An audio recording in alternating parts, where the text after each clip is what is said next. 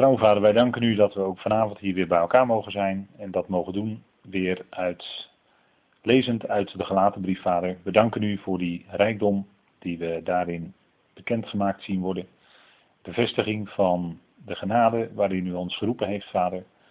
De genade van Christus Jezus die Saulus riep op weg naar Damascus een bijzondere ommekeer in dat leven van die toen nog fariseer vader, maar dank u wel dat u hem veranderde in een liefdevolle apostel.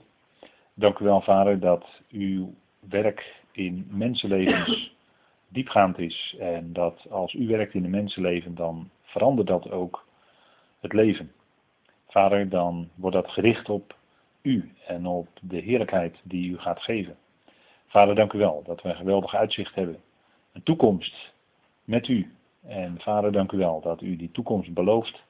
Niet alleen aan de gemeente, aan Israël, maar ook aan alle volkeren, vader. En dat geeft een geweldig perspectief. Dat geeft een enorm uitzicht. Vader, dank u wel dat we in de brief aan de gelaten mogen lezen, daarbij stil mogen staan, beseffen wat het is om in genade te leven, in uw genade te leven, Heer. En Vader, mag dat zo voor ons duidelijk worden. Geeft u wijsheid om iets van die woorden van u over te brengen. En duidelijkheid te geven dat het verstaanbaar wordt voor ons hart.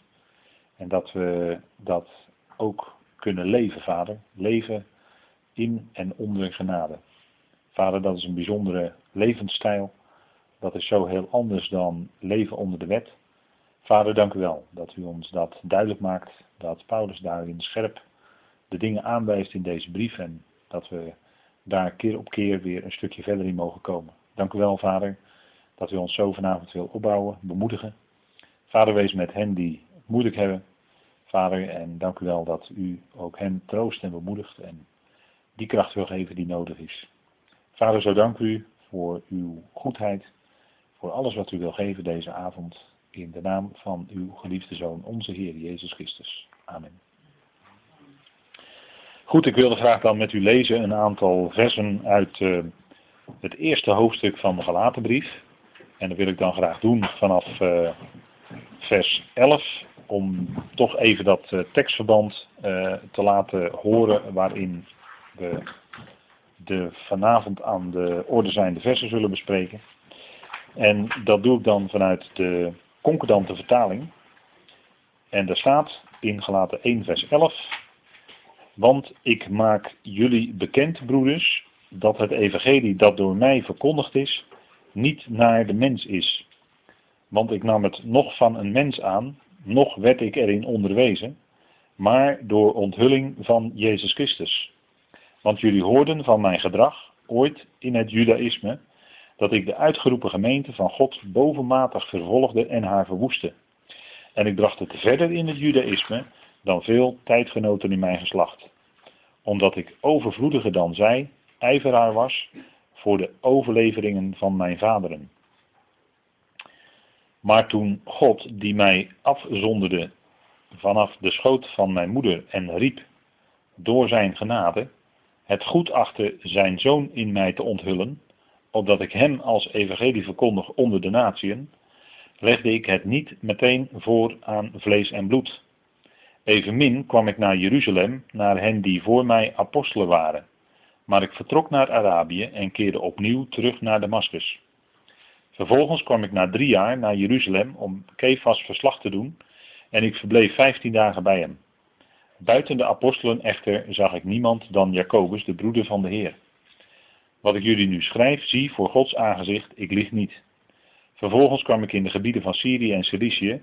Ik was echter onbekend van aangezicht aan de uitgeroepen gemeenten van Judea die in Christus zijn. Alleen hoorden zij echter, hij die ons vroeger vervolgde, verkondigt nu als evangelie het geloof dat hij vroeger verwoestte. En zij verheerlijkten God in mij. Nou, even tot zover dit gedeelte. En we zijn inmiddels gebleven bij vers 13, 14 en in vers 13 lezen we dus dat, daar zijn we de vorige keer een beetje mee geëindigd, dat de, degene die nu de apostel Paulus is, vroeger Saulus heette, in het Hebreeuws uh, Shaul. En um, hij was een fanatieke fariseer. Hij, uh, en we zullen daar vanavond nog wel iets meer over zien.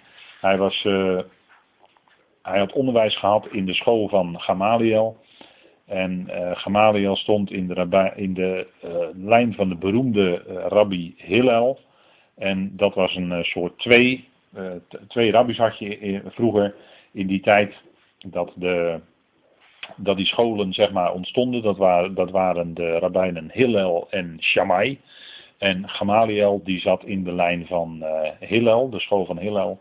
En Saulus was, had onderwijs genoten aan de voeten van Gamaliel. Nou goed, daarover later nog wel meer vanavond. Maar hij vervolgde in zijn fanatisme als fariseer, in zijn fanatiek bezig zijn, vervolgde hij de gemeente van God. Hè, zoals hij dat zegt hier in vers 13. Want jullie hoorden van mijn gedrag ooit in het judaïsme, dat ik de uitgeroepen gemeente van God bovenmatig vervolgde en haar verwoestte. En dat was de geschiedenis, en Paulus eh, is hier bezig in een aantal versen te noemen wat zijn geschiedenis is geweest, hoe het hem wedervaren is, wat hem overkomen is, en hoe het daarna gegaan is toen hij die ommekeer had meegemaakt. En in zijn eh, leven als uh, fanatieke fariseer in het judaïsme um, vervolgd was hij zelfs zo fanatiek dat hij de gemeente van God, de toenmalige gemeente van God, vervolgde en haar verwoestte. Dat waren gelovigen uit het volk Israël, die Jezus als hun Messias hadden leren kennen. Zij waren tot geloof gekomen in de Heer Jezus Christus als hun Messias en zij hoorden bij de gemeente van God. En Saulus die vervolgde de mensen die bij die gemeente van God hoorden. En dat, waren, dat werd toen ook genoemd de mensen die van de weg waren, of van die weg. En die weg is dan natuurlijk een verwijzing naar wat de Heer Jezus over zichzelf had gezegd. Ik ben de weg, de waarheid en het leven. er is maar één weg tot God en dat is Hij. Dat is Jezus. Dat is, eh, en zijn naam betekent, dat is heel mooi, Jezus betekent eigenlijk Yahweh of JW is redder. Dat is het Hebreeuwse Jehoshua. dat is uh, de naam Jozua of Hosea, dat zit er allemaal heel dichtbij. En dat betekent dat hij redder is, dat betekent dat hij de mens redt. En hij is de enige weg tot God. Jezus Christus is de enige weg tot God. En vandaar dat de mensen, en dat uh, staat ook in Handelingen 4, vers 12, hè, een bekende tekst, dat er maar één naam onder de hemel is gegeven waardoor wij moeten, waardoor wij gered moeten worden. Hè, dat is de enige manier, de enige weg, dat is Hij. Dat kan alleen door Jezus Christus zelf gebeuren. En er is geen andere weg dan Hij tot God. Vandaar dat de mensen van die tijd ook de weg, hè, mensen van de weg werden genoemd. En Saulus, die zag dat totaal niet zitten. Hij uh, zag dat kennelijk uh, in zijn ogen als een soort, uh, nou ja, secte misschien nog niet eens, nog minder dan dat zelfs, waarschijnlijk. Ehm, dat er dan mensen waren die, die Jezus, die dan voorheen door de handen van ja, inderdaad het Sanhedrin. Uh, daar was hij natuurlijk heel erg bekend mee eh, met het Sanhedrin. Want in die tijd was Gamaliel zelfs een van de leiders van het Sanhedrin. En um, door toedoen van het Sanhedrin was de Heer Jezus overgeleverd in de handen van Pilatus en was gekruisigd en daardoor gestorven. Maar hij was ook opgestaan uit de doden. Maar daar geloofde Saulus destijds natuurlijk helemaal niks van. Dat uh, hij als een uh, verzinsel wat uh, die, ja, die discipelen, die apostelen allemaal hadden verzonnen. Dat hij was opgestaan uit de dood, dat, dat was een bedacht verhaal. Zo heeft hij ongetwijfeld gemeend. En dat ze dan ook nog dat zoveel mensen uit zijn eigen volk notenbenen het judaïsme verlieten en dan ook nog achter die heer aangingen. Nou, dat kon hij helemaal niet begrijpen. En hij werd er eigenlijk woedend over. Hij was zo uh, enorm ijveraar voor de overleveringen van het judaïsme. Hè, wat we dan kennen onder andere in de Talmud, hè, de Mishnah enzovoort. Uh, daar was hij zo fanatiek ijveraar voor dat hij uh, die mensen van die weg ging vervolgen zelfs. Hè, dat actief vervolgen, dat is nog wat anders dan ze links laten liggen. Nee, actief vervolgen. Dus dat, is, dat gaat heel ver. En dat ging zelfs dat hij de mensen uit de huizen sleurde en ten dode toe hoor ten dode toe, desnoods eh, gestenigd worden. Dat soort zaken. Dus hij was enorm bezig, enorm fanatiek. En hij vervolgde de gemeente van God. En we hebben de vorige keer heel even stilgestaan bij wat is nou eigenlijk de gemeente van God. Hè? Als je daar in de Bijbel over leest, wat is dat dan? Want daarover kun je dan weer in verwarring raken. Van uh, hoe kan het nu eigenlijk dat hij eerst die gemeente van God vervolgde. En vervolgens later schrijft hij ook nog een brief zelfs. En aan de Corinthiërs bijvoorbeeld. En dan zegt hij ook, ja ik schrijf aan de gemeente van God. Die in Korinthe is. Hoe kan dat dan?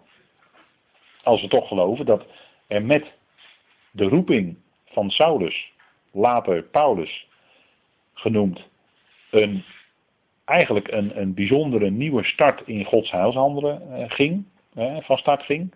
En hij eigenlijk de apostel is geworden, waardoor de gemeente het lichaam van Christus wordt geroepen. Nou, als dat zo is, hoe kan het dan dat hij toch dat ook de gemeente van God noemt? Dat, is een, dat kan een probleem zijn. Maar dat hoeft het helemaal niet te zijn, want eigenlijk is de oplossing, om het zo maar te zeggen, de oplossing van het probleem is heel eenvoudig. De naam zegt het eigenlijk al, gemeente van God. Dat wil dus zeggen, het woord gemeente wil zeggen, degene die uitgeroepen zijn.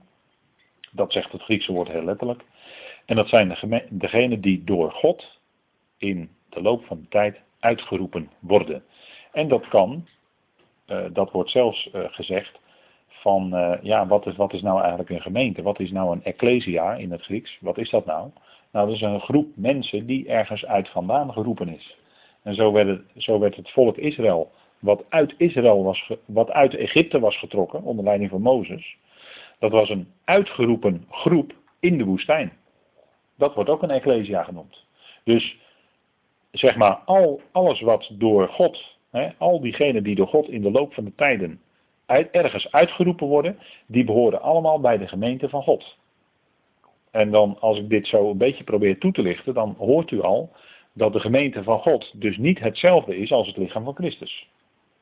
Maar het lichaam van Christus is andersom wel een onderdeel van die grote gemeente van God die in de loop van de tijd uitgeroepen wordt. Alleen nou heeft het lichaam van Christus als Ecclesia een hele bijzondere roeping en ook een hele bijzondere bestemming, namelijk hier niet op aarde, zoals Israël dat wel heeft. Maar de uh, Ecclesia, het lichaam van Christus, heeft een roeping voor de hemel. En dat is bijzonder. En dat maakt het tot zo'n unieke, aparte groep binnen Gods plan.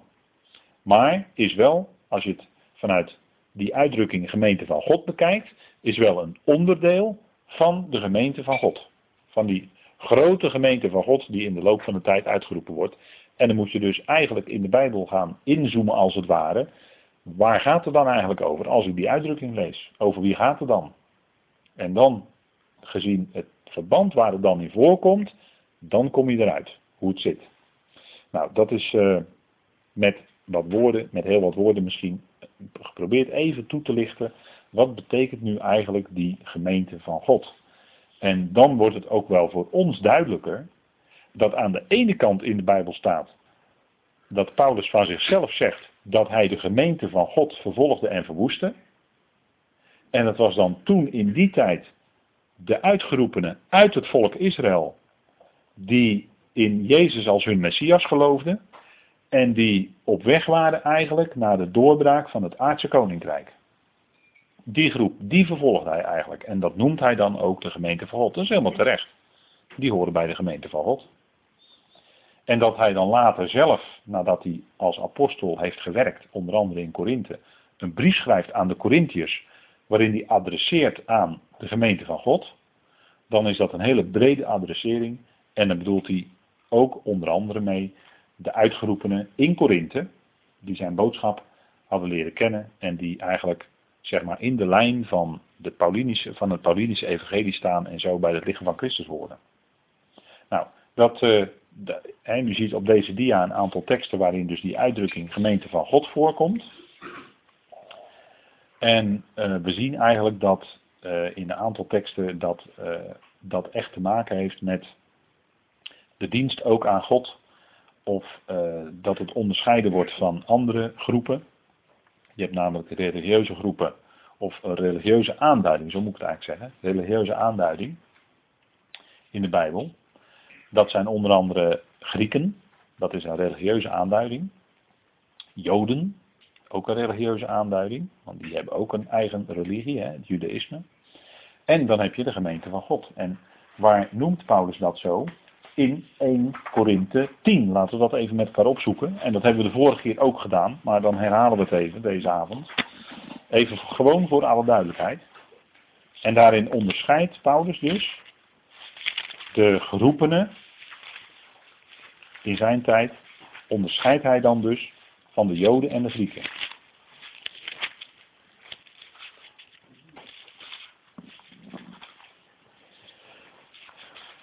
1 Corinthië 10, vers 32. En er staat: Geef geen aanstoot, niet aan de Joden en de Grieken, en ook niet aan de gemeente van God. Ziet u, daar ziet u ze alle drie genoemd. Grieken zijn dan mensen die te maken hadden met de Griekse godenwereld en de Griekse cultuur. En, want uh, godsdienst of godenwereld en cultuur, dat, dat hoort bij elkaar. Hè? En dan de Joden. Want als je je afvraagt wie is een Jood, dan moet je eigenlijk als antwoord geven uh, degene die uh, aanhanger is van het Judaïsme. En uh, de andere kant is natuurlijk, dat, dat weet ik wel, dat je door afstamming misschien kan laten zien dat je afstamt van die en die en die en die en dan hoor je bij een bepaalde stam, een van de twaalf. Of moet ik zeggen, een van de dertien wordt het al wat moeilijker. Maar als het hier gaat om een aanduiding, een religieuze aanduiding, gaat het om Joden, dat we zeggen degene die bezig waren in het Judaïsme. En die dus, hè, uh, de een zal dat orthodoxer doen dan de andere.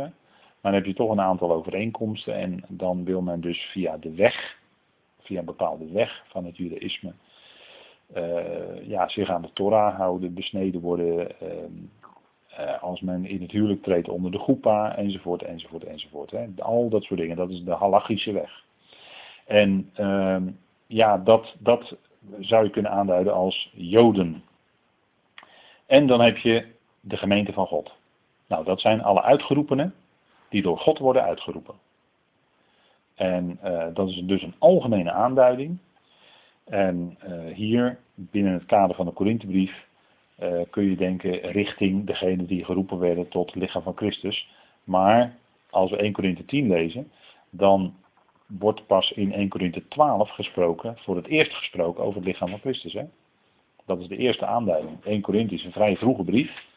En in, die, in deze brief, in 1 Korinthe 12, wordt pas voor het eerst gesproken over het lichaam van Christus. Dus um, dat als u dat bedenkt, dan is dus hier die gemeente van God door Paulus genoemd. Uh, ja, inderdaad, het is een hele algemene aanduiding. En lichaam van Christus is al veel specifieker. Want dan hebben we het over Christus en het lichaam van Christus. Dus dat is heel duidelijk dan die bijzondere groep die uitgeroepen wordt voor een bediening boven, die wordt dan bedoeld. En dat wordt natuurlijk pas later, in later brieven bekendgemaakt. Dus dat even nog om terug te komen op de gemeente van God. En u moet voor uzelf maar eens al die teksten even nalopen, die zo op die dia staan. Dan uh, wordt dat vanzelf uh, hopelijk duidelijk. Mocht dat niet zo zijn dan, en u heeft daar een vraag over, dan wil ik graag de volgende keer daar wel verder op ingaan. Als u zegt, nou die tekst die begrijp ik niet, dat daar gemeente van God genoemd wordt, dan uh, kunnen we daar de volgende keer gewoon over uh, spreken met elkaar. Dan stuurt u mij een e-mail of u, belt me op en stelt een vraag erover. En dan gaan we de volgende keer daarop in. Ja, dus Paulus, en binnen dit verband gaat het namelijk om dat Paulus vervolgde en hij verwoestte zelfs de gemeente van God. Hij sleurde de mensen uit de huizen, hij was tot en met fanatiek bezig. En dat is toch wel heel bijzonder, de enorme ommekeer in het leven van Saulus. De gemeente van God, ik heb het nog even op deze dia, uh, even een, uh, ja, uh, definities, misschien houdt u helemaal niet van definities, maar ik heb toch even een kleine aanduiding willen aangeven wat het nou precies is.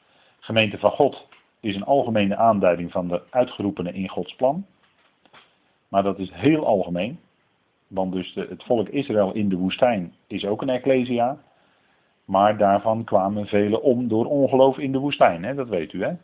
Velen kwamen om door ongeloof en kwamen niet het beloofde land binnen. En toch hoorden ze bij die Ecclesia. Dus kijk goed in het verband waar het precies over gaat. Hè. En dan heel specifiek de gemeente die zijn lichaam is, dus het lichaam van Christus is. Dat zijn degenen die door de bediening van Paulus geroepen zijn. En dat ontstond, begon te ontstaan ongeveer vanaf zijn afzondering. Dan zeg ik het even heel grof. Handelingen 13, daar werd hij echt afgezonderd. En ook daarvoor waren misschien al de eerste lijntjes werden al zichtbaar. Maar zo in die periode handelingen 9 tot 13, daar krijg je zo de eerste aanzetten. Omdat Paulus toen langzamerhand in zijn bediening begon te werken. En dan staat er in vers 14 van Galaten 1. Want ik bracht het verder in het judaïsme dan veel tijdgenoten in mijn geslacht. En daarnet heb ik het al even genoemd. Hij had een uh, opleiding gehad aan de voeten van Gamaliel, dat zegt hij zelf ook. En Gamaliel die was in die tijd een bekende. Uh, hij wordt onder andere genoemd in Handelingen 5, die tekst heb ik daar even aangehaald. Dat was uh, toen er veel onrust was onder het volk, omdat er toch een heel aantal mensen tot geloof waren gekomen in Jezus als hun Messias. Door de prediking van Petrus en de andere apostelen. En dan doet Gamaliel daarover een uitspraak. Maar er stond iemand op in de raad. Dat is, eh, de raad is het Sanhedrin. Een fariseer van wie de naam Gamaliel was. Een leraar van de wet. Die in hoge achting stond bij heel het volk. En die doet dan een uitspraak. Dan moet u maar eens verder nalezen. Maar dat is dus Gamaliel. Dat was, uh, dat was dus een hele belangrijke uh, figuur binnen dat Jodendom van die dagen. Een leider van het Sanhedrin zou je wel kunnen zeggen. Dus dat was er nogal eentje. En hij was een leraar van de wet. Een fariseer. En van de fariseërs, dat weet u misschien wel, die kenden niet alleen de overlevering van de schriftelijke tenach, van de schriftelijke Torah, zoals we die kennen in de, in de schrift, in de tenach. Maar die, hadden ook, die erkenden ook de mondelinge overleveringen die naast die schriftelijke overlevering, zo gaat dan de traditie binnen het Jodendom, die aan Mozes gegeven zou zijn, naast de schriftelijke overlevering. Dat zegt men, hè? Even voorzichtig zijn. Men zegt dat er ook een mondelinge overlevering is gekomen, die aan Mozes is gegeven en die dan mondeling steeds is overgeleverd. En die mondelinge overleveringen, die zijn op een gegeven moment op schrift gesteld en daarmee is men begonnen. Uh, ja, misschien toch al in de tijd dat ze nog in ballingschap zaten in Babylon. En in Babylon is ook eigenlijk het uh, judaïsme, zoals we dat vandaag aan de dag uh, nog kennen, misschien in iets andere vorm dan toen, maar in de kern toch hetzelfde, uh, is ontstaan, is ontwikkeld. Hè? Dat is in Babylon gebeurd. En dat was omdat zij daar verstoken waren van de tempel, van de eredienst. En zij wilden toch een soort dienst aan hun God, hun Yahweh, ontwikkelen, terwijl het toch geen tempel was. En Maimonides die heeft op een gegeven moment dertien belangrijke punten van het judaïsme opgesteld. En een van die punten is dat zij een sterke verwachting hebben, dat er binnen het judaïsme dus een sterke verwachting is van de Messias. En dus daar kijkt men naar uit. Dat is een van de dertien belangrijke punten van het Jodendom, van het Judaïsme. En als die. Maar het punt is natuurlijk, als de Messias dan ook echt komt, dat begrijpt u dan, hè? Als die Messias dan ook echt komt, dan betekent dat automatisch het einde van het Judaïsme. En dat heb ik uit de mond van bijvoorbeeld Rabijn Lodi van de Kamp. Dus dat is niet de eerste, het beste in Nederland. Die zegt dat zelf ook. Als de Messias komt, dan betekent dat automatisch het einde van het judaïsme. Dus dan is die Messiasverwachting, ja, het judaïsme, dat is een van de belangrijke punten, is dus de verwachting van de Messias. Maar u begrijpt wel, als die verwachting is ingelost, ja, dan is het judaïsme voorbij. En dat was natuurlijk ook een punt toen dat Sanhedrin daar was en toen Jezus kwam. Want stel nou dat dat de Messias is, dan zou het Sanhedrin een eigen positie verliezen. Want als de Messias, kan het Sanhedrin aan de kant, want dat is hem. Die zij verwachten.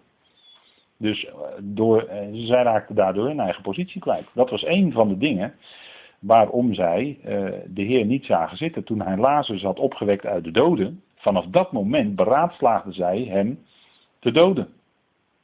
Dat staat in Johannes zelf. Vanaf het moment dat hij Lazarus opwekte, beraadslaagde zij in de Sanhedrin om Jezus te doden. Niets minder dan dat. En dat is uiteindelijk ook gebeurd. En daarmee werd eigenlijk degene die in eh, heel wat ogen toen de tijd als de Messias werd beschouwd, die werd dus uit de weg geruimd. Dat is even, dat u even in perspectief gaat zien hoe, de, hoe dat dan werkte hè, in die tijd. Hè. Zo, zo werkte dat een beetje. Uh, dat, dat, uh, en um, zij hebben dus toen, de leiders van het volk hebben dus toen de tijd Jezus niet als hun Messias erkend. Nee, in tegendeel.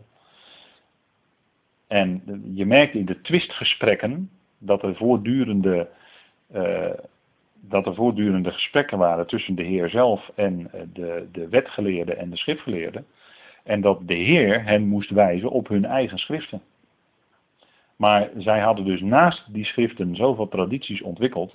En in de praktijk, in de praktijk waren die overleveringen belangrijker dan de tenag zelf de mondelinge overleveringen zoals zij die hadden, en die een weerslag hebben gevonden in de Mishnah en in de Talmud enzovoort, die waren dus in de praktijk belangrijker geworden dan de Tenach. Daarmee stelden ze het gebod Gods buiten werking. Dat zegt de Heer Jezus zelf. Hè? Jullie hebben door jullie overleveringen het gebod van God buiten werking gesteld. Dus dat is, dat is natuurlijk heel wat als de Heer dat zegt, maar natuurlijk had de Heer daarin volkomen gelijk, want hij prikte door dat, uh, ja, hij prikte door die buitenkant heen ook van die fariseërs natuurlijk. Kijk maar eens in, uh, lees maar eens in Matthäus 23. Het WU. Hij noemt ze, ja, als ik de woorden letterlijk herhaal, maar hij noemt ze gewitte graven. Hè? Dat is nogal wat hoor. Dat is nogal heel heftig om dat te zeggen. Maar de Heer Jezus zei dat. Die nam op dat moment geen blad voor de mond. Dat was gewoon de waarheid. Hij prikte daar doorheen door hun buitenkant. Hè? En uh, ja, goed, dat, dat, dat bracht natuurlijk enorme nijd teweeg. Dat bracht woede teweeg. Bij, uh, hè, als er al woede was, dan werd het daardoor alleen nog maar veel erger. Maar goed, op dat moment, uh, de heer zei dat zo op dat moment. En op dat moment moest dat ook gezegd worden, uiteraard. Anders zou hij het niet gezegd hebben. Maar daarmee werd wel duidelijk hoe het zit. En in dat judaïsme, was Saulus dus heel fanatiek.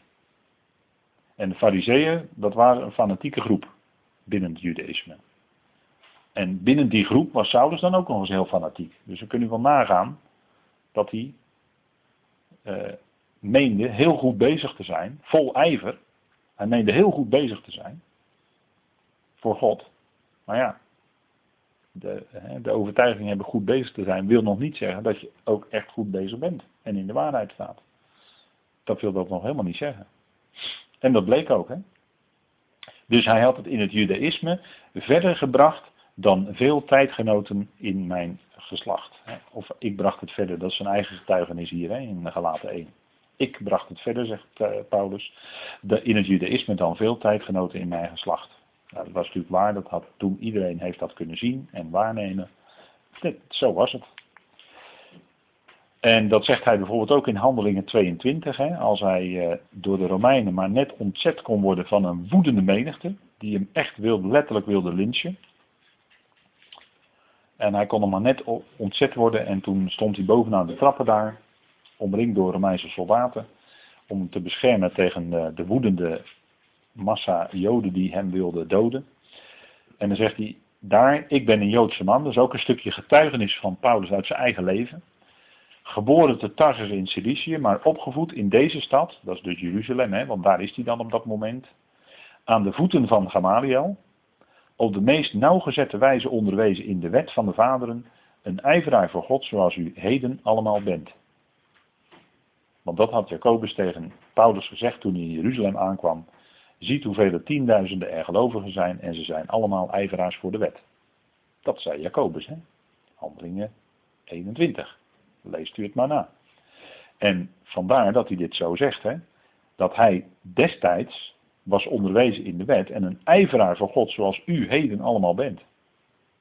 Dus dat is even heel raak gezegd, want er waren ook heel wat Messias gelovige Joden bij die echt in Jezus als hun Messias geloofden, maar daarnaast ook zich hielden aan de Torah en eh, aan, misschien ook wel aan heel wat overleveringen van het judaïsme. En op de vraag, bleef Paulus een Jood, in de zin van, bleef hij een aanhanger van het Judaïsme? Als we net even gezien hebben dat Jood een godsdienstige aanduiding is, net als Griek, dan is het antwoord daarop duidelijk. Nee. Bleef Paulus een Jood? Nee. Hij was van de stam Benjamin hoor. Maar bleef hij een Jood? Nee.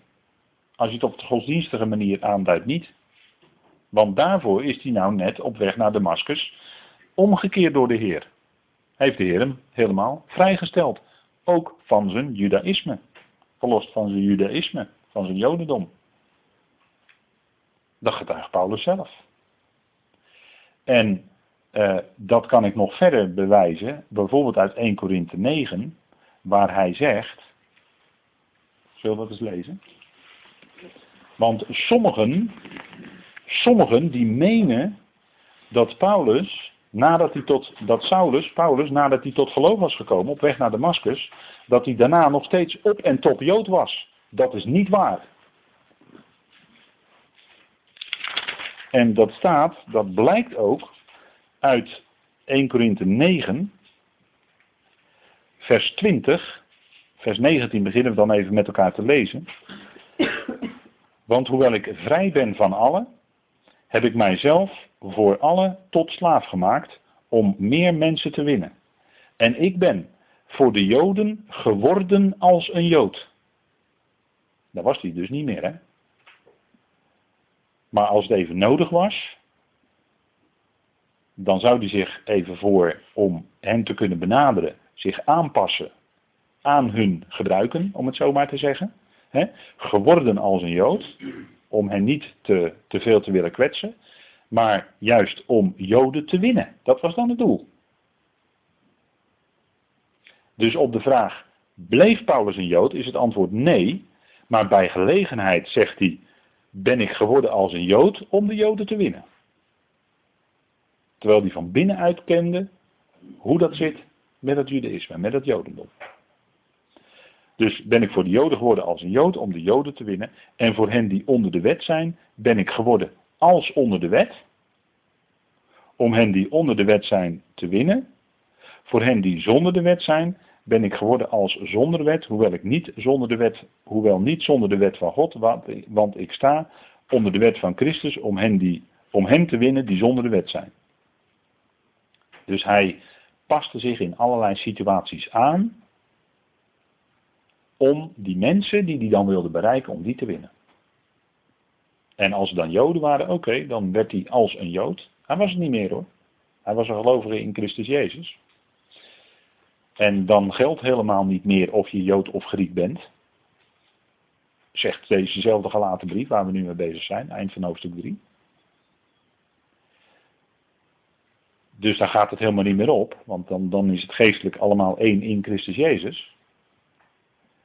Maar als het gaat erom om sommigen te winnen, dan werd hij als een Jood. En als mensen dan zonder de wet waren, werd hij als zonder de wet. Hoewel hij zelf onder de wet van Christus staat. En wat is de wet van Christus? Dat is de liefde van Christus. De wet, de, hè, de wet of de wetmatigheid van Christus is de liefde van Christus. Hè, onder die wet staat hij wel, zegt hij. Als we, als dan over wet willen spreken, oké, onder die wet. Maar dat is dan niet een wet in de zin van wettisch. Dus hij deed alles ter wille van het evangelie om sommigen te winnen. Of het nou uit de Joden was, of uit de heidenen, of waar dan ook vandaan, zwakke, het maakt allemaal niet uit. Hij paste zich in de situatie aan om de ander dan niet te kwetsen op hun gevoelige punten. En dan probeerde hij sommigen voor hen te winnen voor Christus. Zo was hij bezig. Begrijpt u? Dus ik hoop dat u dit een beetje zo kunt volgen. Want dit zijn hele belangrijke punten hoor. Want bij gelegenheid probeert men bijvoorbeeld uh, Paulus, uh, om het zo maar te zeggen, erg joods te maken. Alsof Paulus uh, is gebleven in dat spoor van Gamaliel. Alsof hij op dezelfde manier onderwees zoals hij dat bij Gamaliel had geleerd. En dat soort dingen allemaal. En daarmee probeert men heel subtiel Paulus een joods cachet te geven. Wat hij niet heeft, want hij is in Christus Jezus. En dat is gewoon uniek, dat is buiten categorie. Dan, dan hoor je eigenlijk nergens meer bij, om het zo maar te zeggen. Ja, bij, bij de Heer. Maar je hoort op de wereld hoor je eigenlijk nergens meer bij. En dat maakt voor ons wel eens ook wel een beetje moeilijk. Van, ja, als we nou ons afvragen, ja, mensen vragen je wel eens, waar hoor jij nou bij? Nou ja, eigenlijk horen we nergens bij. We horen niet bij een kerk of bij een genootschap of bij. Nee, we zijn gewoon gelovigen in Christus Jezus. Dat is, dat is zo vrij en zo ruim als het maar kan. Maar we, hè, we, doen niks aan, aan eh, kerkjes spelen of wat dan ook. Hè, maar eh, het gaat erom dat we gelovigen zijn en we, we openen met elkaar de schriften. En we komen bij elkaar en we bidden met elkaar. En, en dat, zo heel eenvoudig, dat is het. En dan, gaan, en gaat het helemaal niet of, of dan onze groep dan een naam heeft of ergens bij hoort of wat dan ook. Daar gaat het helemaal niet om. Dat is helemaal niet belangrijk. We zijn gewoon eenvoudig gelovigen in Christus Jezus. En we beleiden zijn woord en zijn genade. Nou, dat, dat is waar het om gaat. Hè? En, en eh, dat, dat lees je ook hier bij Paulus terug. Hè? Hij hoorde nergens bij, maar hij paste zich overal aan. Om sommigen voor zijn Heer, zijn hemelse Heer, om, om sommigen daarvoor te winnen. Ja, dat wel. En dus dat is eigenlijk, zijn wij de meest vrije mensen die je maar voor kunt stellen. We zijn, eh, als het gaat om wereldse dingen, zijn we nergens aan gebonden. We zijn maar aan één gebonden, dat is de Heer. Nou, dat, dat is natuurlijk heerlijk, hè? Die vrijheid. En dan, eh, dan schrijft hij verder in vers 15. Maar toen God, die mij afzonderde vanaf de schoot van mijn moeder, en riep door zijn genade. Nou, dit is heel bijzonder, hè? je leest er zo overheen. Maar hier staan hele bijzondere dingen hoor. Hij was geboren in Tarsus. En God, hij zegt hier, hij getuigt hier ervan. En dat is inzicht wat je moet krijgen. Dit is niet wat hij zelf heeft kunnen bedenken, maar dit is inzicht wat hij van de Heer heeft ontvangen. Maar toen God die mij afzonderde, vanaf de schoot van mijn moeder, en riep door zijn genade. Zo, dat is wat. Dat is wat. En, en misschien herkende Paulus wel iets van woorden, zoals die ook bijvoorbeeld bij profeten klonk, hè? Jeremia, daar wordt ook zoiets van gezegd. Maar niet op deze bijzondere manier hoor. Echt dat, dat woord afzonderen, hè? dat moet u ook in de gaten hebben. Hè? Hij wordt afgezonderd eigenlijk al, zegt hij, vanaf de schoot van zijn moeder af aan. Dus eigenlijk al voordat hij geboren was. En, en dan denkt u misschien onwillekeurig aan Jacob en Esau daar werd ook voordat zij geboren waren al iets van gezegd. Want toen hadden zij nog goed, nog kwaad gedaan. En toen werd er al van hen gezegd, Jacob heb ik lief, maar Esau haat ik. En dan is haten eigenlijk op de tweede plaats stellen. Hè? Dus niet haten zoals mensen elkaar kunnen haten, zo niet. Maar het is op de tweede plaats stellen. Maar het werd al gezegd tegen Rebecca, voordat zij geboren waren. En dat is natuurlijk geweldig, hè? Dat, dat God het eigenlijk al had vastgelegd voordat zij ook maar iets hadden kunnen doen, goed of kwaad, ze, waren niet in staat op dat moment om, om ook maar iets goeds of iets kwaads te kunnen doen. Dus daarvan is het ook helemaal niet afhankelijk. Het uitkiezen van God is totaal onafhankelijk van wat wij doen of laten in ons leven. Maar als God je uitgekozen heeft, en, en volgens Efeze is dat al van voor de nederwerping van de wereld, ja, dan, dan ligt dat vast. Dan word je in de tijd word je geroepen. En dan kun je die roep ook niet weerstaan. Dan zul je daar antwoord op geven. En dat komt omdat God je al toen al op het oog had. Nou, dat, is natuurlijk geweldig. Hè? Dat is de verkiezing, de uitkiezen van de genade. Zo noemt Paulus dat. Het uitkiezen van de genade. En hier verbindt hij dat afzonderen ook met genade. Want hij zegt, God die mij afzonderde vanaf de schoot van mijn moeder. Dus voordat hij geboren was werd hij door God al afgezonderd om dit bijzondere werk te gaan doen als apostel. En het feit dat hij dan geroepen werd door zijn genade, ja, dat is alleen maar een uitwerking van wat God al eerder zich had voorgenomen, namelijk om hem af te zonderen. Nou, dat is natuurlijk heel bijzonder hè, wat er dan staat als je dat beseft.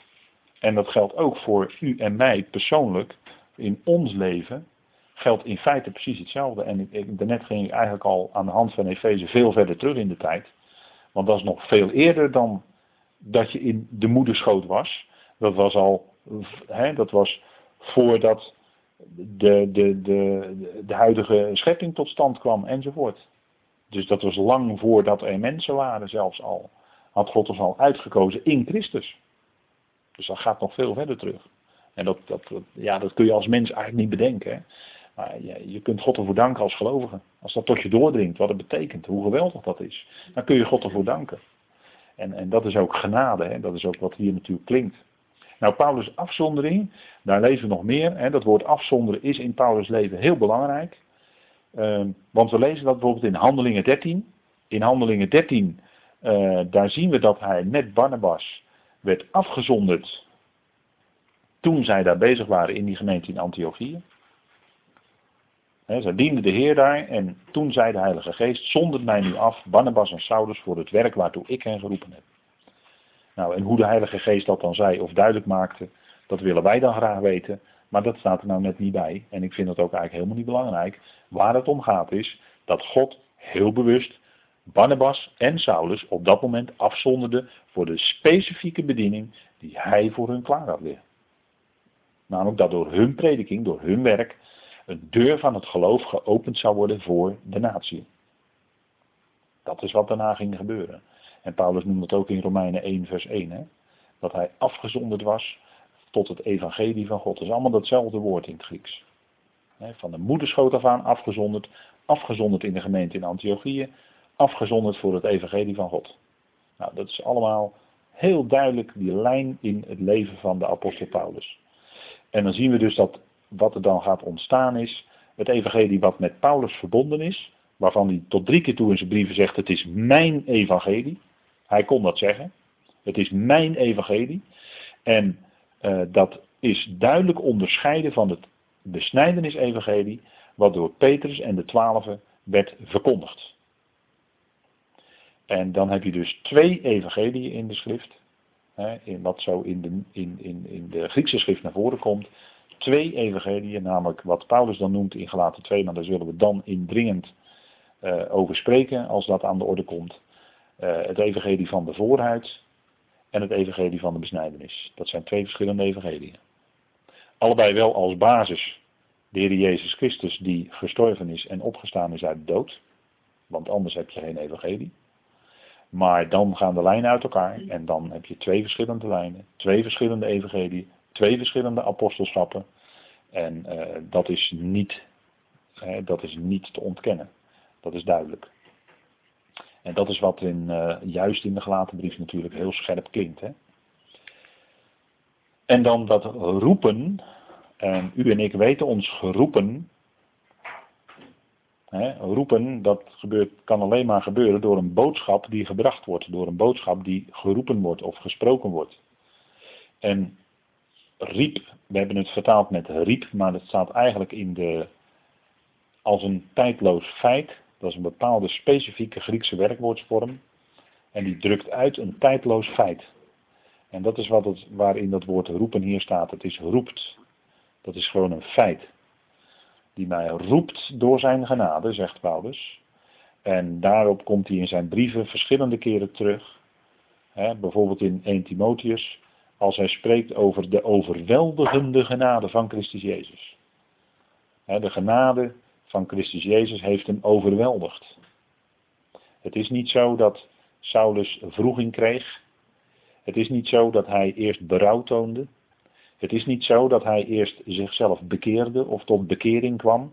Nee, de Heer riep hem en kwam hem tegemoet in overweldigende genade. Daar was 0,0 van Saulus zelf bij, integendeel zelfs. Hij blies op dat moment dreiging en moord tegen de discipelen die van die weg waren.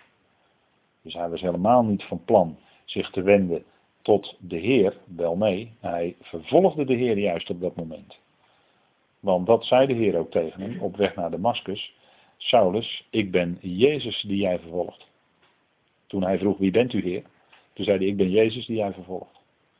En hij betoonde hem genade. Er was geen berouw nodig, er was geen bekering nodig, er was, geen, er was niks nodig.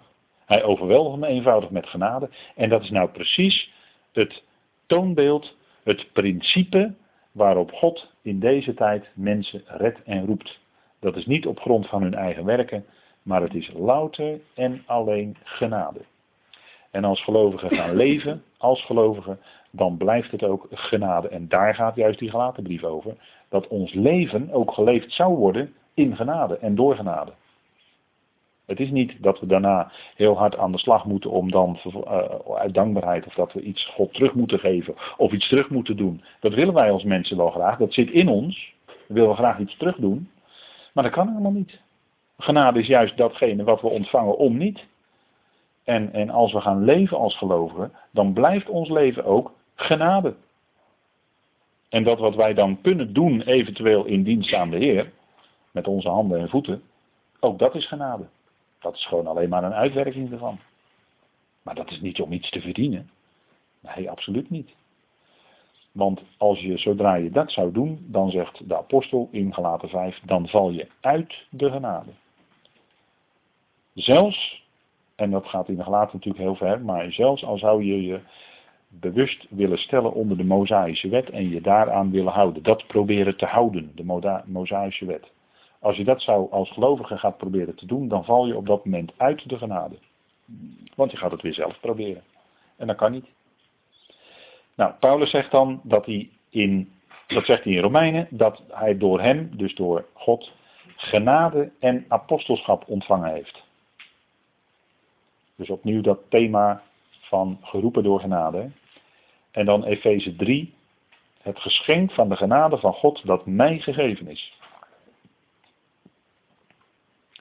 Of in Efeze 3 nog eens een keer, mij, zegt Paulus, werd deze genade gegeven, de onnaspeurlijke rijkdom van Christus als evangelie te verkondigen. En dan heb je wat hoor. Dan heb je wat.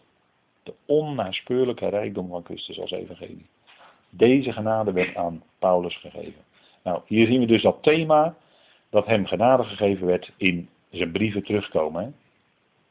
En ik denk dat dit dit is een bloemlezing en uh, ik denk dat dat, uh, dat dat heel fijn is om dat zo te zien. Hè? Hoe, hoe, hij daarover, hoe hij daarvan getuigt in wat, hem, wat hem overkomen is.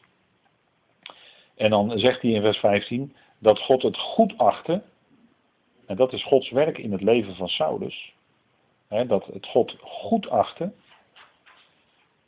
hen niet alleen dus af te zonderen voor zijn geboorte, dat is ook zoiets specifiek, zoiets bijzonders wat hij van zichzelf zegt.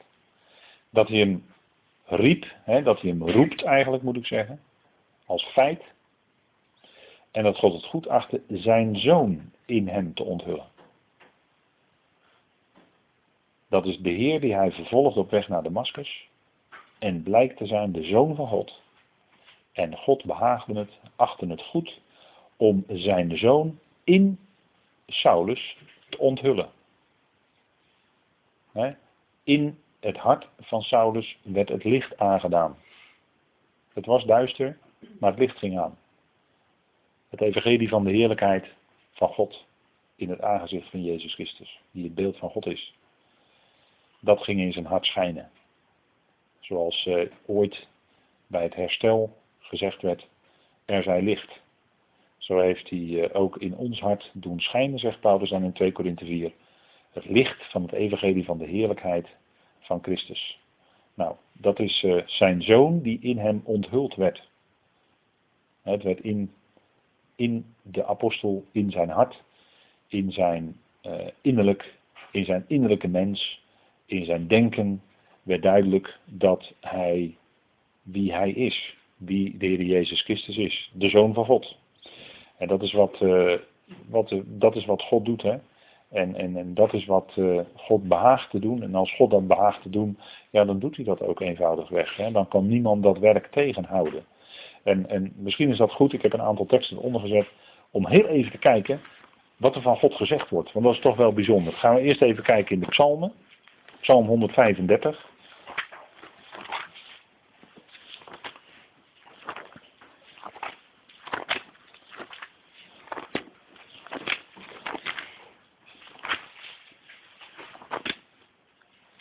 Psalm 135.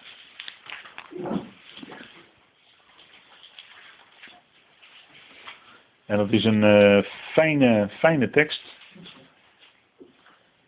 Psalm 135. Want ik weet, de Heer is groot. Onze Heer gaat alle goden te boven. Al wat de Heer behaagt, doet Hij. In de hemelen en op de aarde. In de zeeën en alle diepe wateren. Dus dat is een uh, geweldig woord, hè? In vers 6. Al wat de Heer behaagt, doet Hij. Dat is niemand die dat kan tegenhouden. Als de Heer het behaagt iets te doen, dan doet Hij dat. En dat is naar zijn welbehagen. En zo deed hij, ook, deed hij dat ook in het leven van Saulus. Hè? Het behaagde de Heer zijn zoon in hem te onthullen. Nou, dat is het principe wat we hier in de psalmen lezen. En, en dan hebben we ook zo'n tekst uh, in, in Jezaja, hè? Jezaja 55.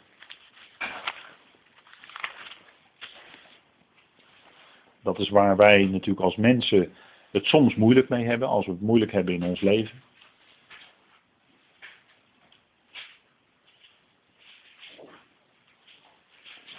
En dan uh, roept Jezaja uit in Jezaja 55, een bekende tekst. Hè?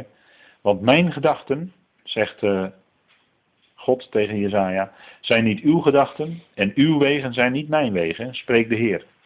Want zoals de hemelen hoger zijn dan de aarde, zo zijn mijn wegen hoger dan uw wegen en mijn gedachten dan uw gedachten. Ziet u het? Je moet altijd te raden gaan bij de schrift. Want daarin lezen wij Gods gedachten. En die zijn altijd hoger dan onze gedachten. En zijn wegen zijn altijd zo anders dan die van ons. Wij zoeken vaak toch bij onze eigen wijsheid of wijsheid van andere mensen. Maar we zouden die wijsheid bij God zoeken, want zijn gedachten zijn immers veel hoger dan de onze. En daar zouden wij onze gedachten dan op aanpassen. je eigen gedachten inleveren tegen de gedachten van God. Nou, dat kan soms heel moeilijk zijn, want wij als mensen zijn nogal wel eens eigenwijs. En uh, willen dat zelfs tegen de wijsheid van God. Soms hebben we moeite om dat in te leveren. Maar er komt een dag natuurlijk dat we dat toch moeten inleveren. Vandaar dat Paulus ook zegt in Romeinen 12, wees niet eigenwijs. En dat citeert hij spreuken, want het staat ook gewoon in spreuken al. Hè? Wees niet wijs bij uzelf, maar pak die wijsheid bij de Heer. Hè? Aanvaard die wijsheid uit de hand van de Heer, want de vrezen van de Heer is het begin van de wijsheid. Ja, zo is het hè. De vrezen des Heer is begin ontzag en respect voor de Heer. Dat betekent ontzag en diep respect voor zijn woord. Daar begint het, hè? daar begint je wijsheid. En wil je dat woord aan de kant schrijven, dan blijf je ronddwalen in je eigen wijsheid. En kom je geen stap verder. Maar zijn gedachten zijn hoger dan onze gedachten. En we zouden dan ook onze gedachten aanpassen aan die van hem. En, en dat is wat, uh, hè, en dat roepen, dat is een geweldig roepen wat God doet. Dat lezen we ook in Romeinen 9. En laten we dat ook even met elkaar opzoeken. Romeinen 9. Want dat is een uh, geweldig woord. En dat heb ik eigenlijk al even gezegd vanavond.